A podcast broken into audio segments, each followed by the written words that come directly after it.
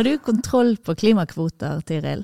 Oi, klimakvoter vet jeg at det er mange ulike meninger om. Ja, og det kan være et minefelt når vi snakker om ulike begreper rundt eh, klimarapportering. Og da er det så fint å si at vi er klar for del to av vår dobbeltepisode med vår husekspert Inki Brown, som skal hjelpe oss å rydde i begrepene. Jeg er Renate Nedregård, leder i Klimapartnere Vestland og programleder for denne podkasten. Og jeg er produsent Tiril Amalie Johansen. Og du hører på Operasjon nullutslipp. Velkommen til deg, Inki Brown. Tusen takk. Du er direktør innen bærekraftsområdet i PwC Bergen. Og i forrige episode så fikk vi en sånn fantastisk fin gjennomgang av eh, klimaregnskapet. Klimaregnskapet er jo så viktig for oss i Klimapartnere at det er en av eh, forpliktelsene i partnerskapet. Alle våre partnere leverer klimaregnskap hvert år. Og i forrige episode så snakket vi jo om hvordan det da går an å se på sitt eget klimafotavtrykk gjennom å føre årlig klimaregnskap. Og hvis ikke du har hørt denne episoden, så foreslår jeg du gå tilbake igjen og hører episoden med Inki Brown om klimaregnskap ABC, så har du et veldig godt grunnlag for det vi skal snakke om nå. Nå tar vi et skritt videre. Jeg har lovet at vi skal putte hendene våre inn i i alle fall ett vepsebol, Inki. Det må vi tørre å gjøre. Eh, fordi at vi snakket om kartlegging i forrige episode. Men klimaarbeidet handler jo om å sette seg mål. Og jobbe målrettet for å nå målene. Og vi vet at det er vanskelig å nå målene hvis ikke vi måler underveis. Men når vi skal sette oss mål i klimaarbeidet, så vet jeg at det er mange som blir usikre. At det kanskje kan være et minefelt. Det kan være et minefelt å snakke om at man har nådd noen mål. Og det er vel stadig oftere at vi hører om eh, de som blir beskyldt for grønnvasking. Så hvor skal vi starte, Inki, hvis vi ønsker å gjøre en skikkelig jobb med utgangspunkt i klimaregnskapet og sette oss eh, mål for utslippskutt? Jeg tenker Det aller første man må gjøre hvis man skal sette seg mål, det er jo å finne ut hvor er man i dag. Å få en god oversikt i klimaregnskapet sitt. Og samtidig ta høyde for at de første par årene så er klimaregnskapet litt i fluks. Man finner gjerne ting som ikke man helt hadde tatt med seg. En bil her, eller en strømmåler der, eller hva det skulle være.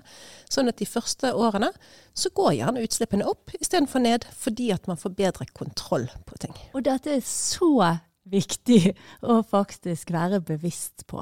At det er ikke sånn at du kan peke på noen og si oi, dere har mer Utslippene øker. For så enkelt er det altså ikke. Så enkelt er det overhodet ikke. Jeg syns det er helt supert at man faktisk begynner å kartlegge og er åpen på at her er vi i en prosess. Dette er første gangen vi har laget et klimaregnskap, og sånn ser det ut. Og så må vi ta høyde for, når vi rapporterer dette også, så må vi ta høyde for at det kan godt være at vi finner ting, eller at vi skal inkludere andre ting som ikke vi hadde med tidligere. Og det innebærer også at det er ikke så veldig lett å sammenligne fra år til år? Ikke nødvendigvis, men der har jo GHG-protokollen, som er det rammeverket som vi bruker for dette, de har eh, noen mekanismer som man kan bruke for å rekalkulere for tidligere år. Så det vil si at f.eks. hvis man fant ut å ja, men vi hadde jo den bilen borte på verkstedet der, den hadde vi ikke tatt med i beregningen, kan vi finne drivstofforbruket ikke bare for i fjor, men faktisk også fjoråret, sånn at vi kan ha sammenlignbare tall for tidligere år også. Sånn at man får et fullstendig bilde. Men eh, vi er jo litt ivrige. Vi vet at vi har det travelt. Og i Operasjon nullutslipp så er vi også veldig bevisst på at vi skal til null. Det er de fristende når man begynner å kartlegge egne utslipp, og komme til null så fort som mulig. Hvordan skal vi gjøre det uten å trå feil? Jeg tenker igjen at det første man må være bevisst på, det er åpen kommunikasjon. At ikke man bare sier at ja, vi har, eh, vi har, har kjøpt f.eks. dette med, med, kvoter og sånt som vi skal inn på. At ikke man bare prøver å kjøpe seg fri, men at man faktisk legger opp til en realistisk plan og forteller hvilke tiltak man skal sette inn. Og at man forteller om hvilke mål man har, og hvilke delmål man har. Eksempel så er det mange som sier ok, vi skal til netto null i 2050. Vi skal halvere våre utslipp innen 2030. Og vi har, skal ha satt oss de målene med utgangspunkt i f.eks. 2021. Hvis det er det et år som man ser at her har vi gode tall for, så det egner seg godt som et såkalt basisår som vi kan basere våre mål på. Og så gjelder det jo OK du har et mål om å redusere utslippene 50% innen 2030. Hvordan kan jeg som leser rapporten deres, hvordan kan jeg vite om det faktisk er realistisk? Hvilke tiltak er det dere har planlagt å sette inn? Ok, kanskje vi planlegger å fase ut våre fossilbiler og bytte de ut med elbiler. Kanskje vi har planer om å kjøpe opprinnelsesgaranti, sånn at vi sikrer at vi har fornybar strøm. Kanskje det handler om at vi skal sette inn strømsparetiltak. Vi skal etterisolere bygget vårt, vi skal sette solcellepaneler på taket. Hva er det vi skal gjøre for å, eh, for å få de utslippene ned? Og komme med en realistisk plan, istedenfor å bare si at yes, vi skal være nullutslipp 2050. Punktum. Nemlig. Og da eh, må man vite hva man holder på med, og mm. hvilke begreper man bruker, og være åpen om prosessen. Og gjerne lage seg et klimabudsjett internt i virksomheten. Sånn at man kan sette seg eh, man kan finne ut okay, hvilke tiltak er det vi vil sette i gang. Hvor mye utslipp tror vi at vi kommer til å spare på hvert av disse tiltakene? Hvis vi legger sammen disse tiltakene her, er det nok for å nå det målet vi setter oss? Eller ser vi at her må vi faktisk også sette inn andre tiltak? Så dette med måling er igjen veldig viktig. Å kvantifisere de tingene man holder på med. Og så har vi jo et uh, begrep som vi har heiet på i Klimapartnere. Som vi har vært opptatt av at vi skal oppnå. Og det er klimanøytralitet. Og der er vi inne i en diskusjon om at uh, kanskje ikke det var så lett likevel. Kan ikke du fortelle hva det innebærer å være klimanøytral for en virksomhet?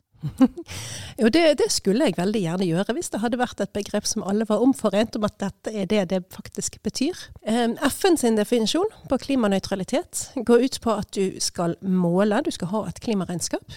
Du skal redusere utslippene så mye som du kan, og så skal du kompensere for resten. F.eks. med tiltak som fanger CO2 og fanger det i bakken, sånn at det, det blir liggende der. Tilsvarende de utslippene som du har hatt. Men utfordringen med FNs definisjon, det er at de spesifiserer ikke hvor stort omfang er det snakk om her. Er det bare skåp 1 og skåp 2, altså de direkte utslippene og utslippene fra innkjøpt energi? For det er de eneste som GHG-protokollen sier er obligatorisk å måle på. Eller skal man faktisk ta med hele verdikjeden sin? F.eks. så er det jo mange selskaper som kjøper klimakompensasjon for flyreisene de tar, og det er noe som ligger i skop 3. Eh, nemlig. Sånn at når et selskap kaller seg klimanøytral, så er det ut fra den oppskriften som da kommer fra FN, og det er en legitim oppskrift, men det viser seg at det er noen fallgruber der også. Absolutt, fordi at det ikke der er tatt med at man må kartlegge hele Scope 3-biten av utslippene sine. Og det er jo ofte der de største utslippene ligger. Så det vil si at et selskap som har kartlagt sine Scope 1-utslipp og Scope 2-utslipp, og har kompensert for det, de kan kalle seg klimanøytral i henhold til den oppskriften som FN har, selv om de kanskje har misset på 80-99% av klima, den totale klimapåvirkningen sin fordi de ikke har kartlagt hele 3. Og det begynner man å få en god del backlash på det er flere og flere som sier at ja, dette høres jo ikke helt riktig ut, fordi at her har dere rett og slett ikke rapportert på det som vi regner med er størstedelen av klimapåvirkningen deres. Og dette er komplisert, Inki. Men betyr det at vi skal gi opp det målet om å stille krav til leverandører f.eks. om at de skal være klimanøytrale?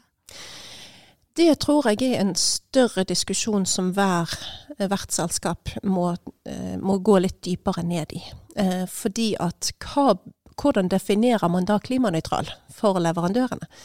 Betyr det kun Scope 1 og Scope 2, eller betyr det også at de skal ha kartlagt hele sine Scope 3-utslipp? Min tanke er at det beste Det som er best å ha fokus på, det gjelder å kartlegge alle sine utslipp, Scope 1, Scope 2 og Scope 3 og legge en troverdig plan og sette inn tiltak for å redusere. at det er viktigere per nå enn å kjøpe klimakompenserende kreditter. Nemlig. Og eh, da må jo vi gå inn i det som heter klimakvoter. Fordi at eh, det har vært et eh, tiltak som eh, flere har benyttet seg av. Og det å kompensere for egne utslipp gjennom å kjøpe klimakvoter, det høres jo egentlig ganske bra ut, Inki. Det er absolutt en besnærende tanke, og det er ikke sånn at jeg vil si at ingen bør kjøpe kompenserende tiltak. Eh, og bare litt i henhold til ordbruken her, så har jo vi i Norge hatt en tradisjon for å bruke ordet klimakvoter om to ting som egentlig er forskjellige. Aha, sånn at For det, det- ligger kanskje litt i begrepsbruken her. eh. For det ene, når man snakker om kvoter, så handler det egentlig om kvotesystemet til EU. Emission Trading Scheme. Som, eh, som omhandler omtrent 50% av utslippene i Europa. Eh, det handler om at industrien, og også eh, etter hvert litt andre, litt andre bransjer, de har fått tildelt en viss antall utslippstillatelser for klima.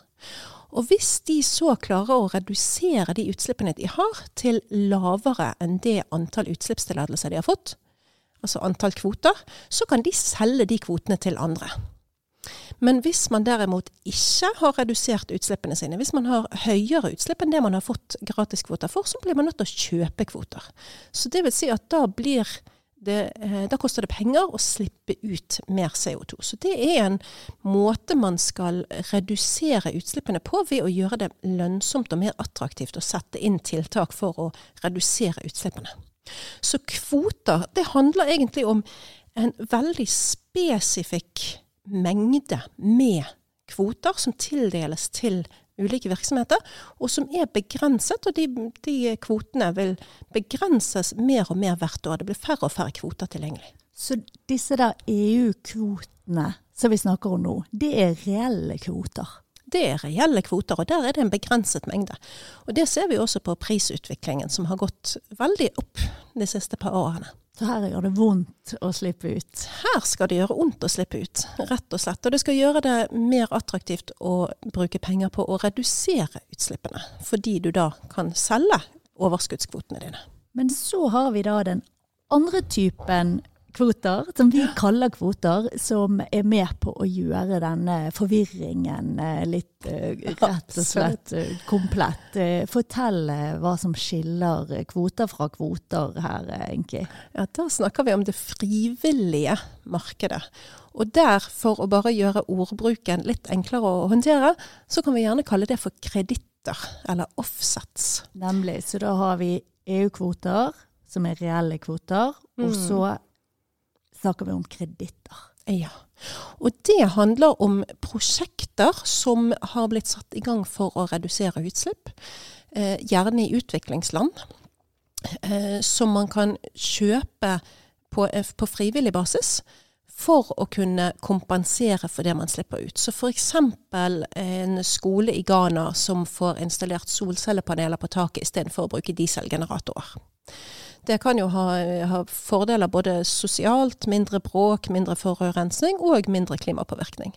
Så den typen prosjekter har ofte fått mulighet til å kunne utstede kreditter som selskaper da kan kjøpe, som kan være en del av finansieringen. Men utfordringen her har vært at det har vært mange prosjekter som ikke har gått gjennom en streng kvalitetskontroll. Så her er det veldig mange sånne kreditter man kan kjøpe som rett og slett ikke har den klimapåvirkningen, eller den, den effekten som man trodde det skulle ha. Så hvis man kjøper billige klimakreditter, så kan man nesten regne med at her er kanskje ikke effekten det vi faktisk betaler for. Men det høres jo så bra ut. Det er veldig gode tiltak ofte, som du ser er såkalte FN-kvoter, og de er sertifiserte, og det er gold-standard. Er det eh, likevel eh, sånn at eh, dette skal man holde seg unna? Ikke nødvendigvis det at man skal holde seg unna, men at man skal gjøre en skikkelig vurdering av det, som man ville enhver annen investering. At man rett og slett setter seg inn i hvilket prosjekt er det vi har lyst til å investere i. Er dette et prosjekt som vi eh, ideelt sett som fjerner og lagrer CO2. Ikke bare kompenserer for, men faktisk tar CO2 ut av luften eh, og lagrer den. Skogplantingsprosjekter f.eks. kan falle inn i den kategorien. Eh, Biokullproduksjon. Det fins eh, også mekaniske løsninger som nå rett og slett henter CO2 ut av luften og lagrer den dypt nede, sånn at den blir lagret i hundrevis av år. Eh, sett deg inn i hvilke type prosjekt er det vi har lyst å investere i, og ser vi at dette prosjektet her er av god kvalitet. Og Der har mine kollegaer i PwC nå nylig lansert en rapport sammen med Zero, hvor de har laget en trafikklysmodell og stilt opp en del spørsmål som man bør vurdere hvis man ønsker å investere i denne typen klimakreditter. Den eh, rapporten har jeg sett litt på. Der er det veldig mye interessant å hente. Kan ikke du si hva den heter, eh, hvis eh, noen vil finne frem til den? Den heter 'Jakten på klimanøytralitet'. Eh, og den handler om akkurat denne situasjonen som vi snakker om nå. At her har det vært litt sånn Ville Vesten. Litt uklar eh, bruk av ord. Eh, litt ymse kvalitet. Eh, og veldig vanskelig for folk å sette seg inn i hva er dette faktisk det omhandler. Så den rapporten, 'Jakten på klimanøytralitet', den vil jeg absolutt anbefale til alle som ønsker eh, å bruke den typen mekanismer for å kompensere for sine utslipp. Eh, men det er jo gode hensikter her. Vi Absolutt. ønsker å være med på en global innsats for å komme til null, Absolutt. til og sist. Og så er det jo vi har snakket om EU-kvoter. Vi har snakket om kreditter, som ofte er der innenfor dette FN gold standard-systemet, ikke sant? Det fins litt ulike merkeordninger der for kreditter, det er riktig. Nemlig. Og så var du så vidt inne på det, for det er jo noe som har uh, dukket opp litt i seinere tid, av type skogplanting, trefadder, biokull. Eh, kan du si noen ting om det? Er det noe å satse på? Det kan absolutt være noe å satse på, men igjen så gjelder det det som denne rapporten eh, anbefaler, hvis man ønsker å kalle seg klimanøytral. Det handler altså om at man må investere da i prosjekter som samler inn og fanger opp eh, og lagrer like store mengder CO2 fra luften som det man har, selv har sluppet ut. Um, og hvis man investerer i den typen prosjekter, så er det veldig viktig å gjøre den typen vurderinger rundt dette prosjektet. Virker dette som et fornuftig prosjekt å investere i? Ser jeg at de har f.eks. god rapportering på hvor er det pengene faktisk går henne? Har de inne en tredjepartssertifisering som ser på at dette er kvalitet? Eh, som, som enhver annen investering du ville ha gjort. Hvor er det vi har lyst til å sette pengene våre? Det er veldig lett å trå feil, da. Og i eh, dette landskapet så kan det kanskje være mer fristende å si at ja ja, vi, vi prøvde å gjøre noe bra, og så blir vi beskyldt for grønnvasking. Er det like greit å bare la være? Det kan være at man kanskje da bør ta et steg bort fra begrepet klimanøytralitet, og heller si at vi, våre klimautslipp, de ser sånn ut. Vi har gjort en investering i klimaprosjekter. Dette spesifikke prosjektet her. Vi har kjøpt så og så mange klimakreditter. Og istedenfor å si at man er klimanøytral fordi at det ligger så mye, eh, så mye bagasje på en måte bak det ordet, det er uklarheter rundt begrepet. Så istedenfor at man kaller seg klimanøytral, istedenfor å være åpen på her har vi investert i dette prosjektet her, for det mener vi er en god sak å kalle det klimainvestering eller noe lignende, istedenfor å bruke ordet klimanøytral uten å forklare det på noen måte. Nemlig. Og her er jo vi inne i et landskap hvor vi lærer noe nytt hele tiden. Det er et landskap som forandrer seg veldig raskt. Det kommer stadig nye definisjoner på ting som man kanskje ikke hadde definisjoner på før, som kanskje man brukte et ord uten helt at det var definert på en god måte, at man hadde ikke nødvendigvis en, en god omforent um, bekreftelse på hva betydde dette ordet egentlig. Uh, så det er et landskap som er i stadig endring. Det krever mye å holde seg oppdatert. Men god kommunikasjon og åpenhet rundt hvordan er det vi jobber med klima, hva er våre utslipp? Vi er på en reise, vi har ikke alle svarene enda, men dette er her vi ligger an nå. Dette er sånn vi har tenkt å jobbe med det fremover. Det tror jeg er det viktigste for å unngå det grønnvasking-stempelet. Å være ærlig på at vi har ikke alle svarene, men vi jobber med det, og vi jobber på denne måten her. Og her er planene våre. Disse tiltakene har vi tenkt å sette inn. Mm. Og det ligger jo, det kan jo fort eh, ligge mye uvitenhet bak det å stemple noen eh, så, og gå ut med dette grønnvasking-stempelet også. Inki, det er veldig mye gode intensjoner i næringslivet. Og da er det jo viktig å ikke snuble i alle disse begrepene også.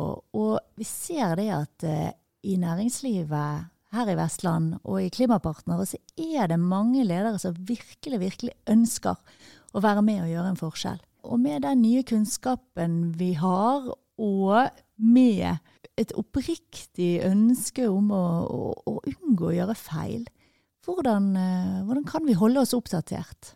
Mm. Jeg tror man kan absolutt dra nytte av de rammeverkene og standardene som finnes nå på markedet, og som kommer også som lovkrav fra EU de nærmeste årene. Det kommer f.eks. noe som heter bærekraftsdirektivet, som går på rapportering av bærekraft, og som kommer til å tre i kraft nå i løpet av de neste årene for de største virksomhetene, og som også kommer til å bli rullet ut til mindre virksomheter over tid det de har gjort i EU for å sette sammen bærekraftsdirektivet, det er at de har lent seg tungt på de beste praksisrammeverkene som finnes per i dag. Så det vil si at de har f.eks. brukt GHG-protokollen for klimaregnskap, som man bruker for å regne ut, sånn at man slipper å finne en helt ny måte å regne klimapåvirkningen.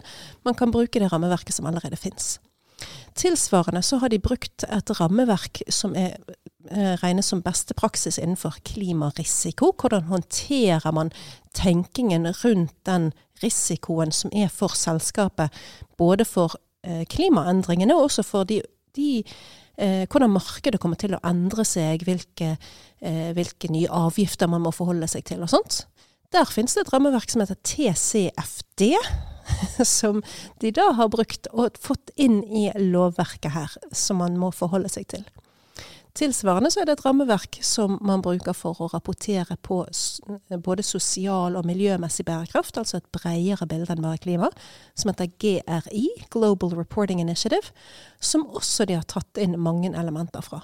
Så det å bruke disse beste praksis, rammeverkene og standardene og bruke de for å kunne få oversikt over egen påvirkning. Bruke de for å kunne styre etter og tenke gjennom hvilke risikoer er det vi har. Hvordan jobber vi med å sette oss mål?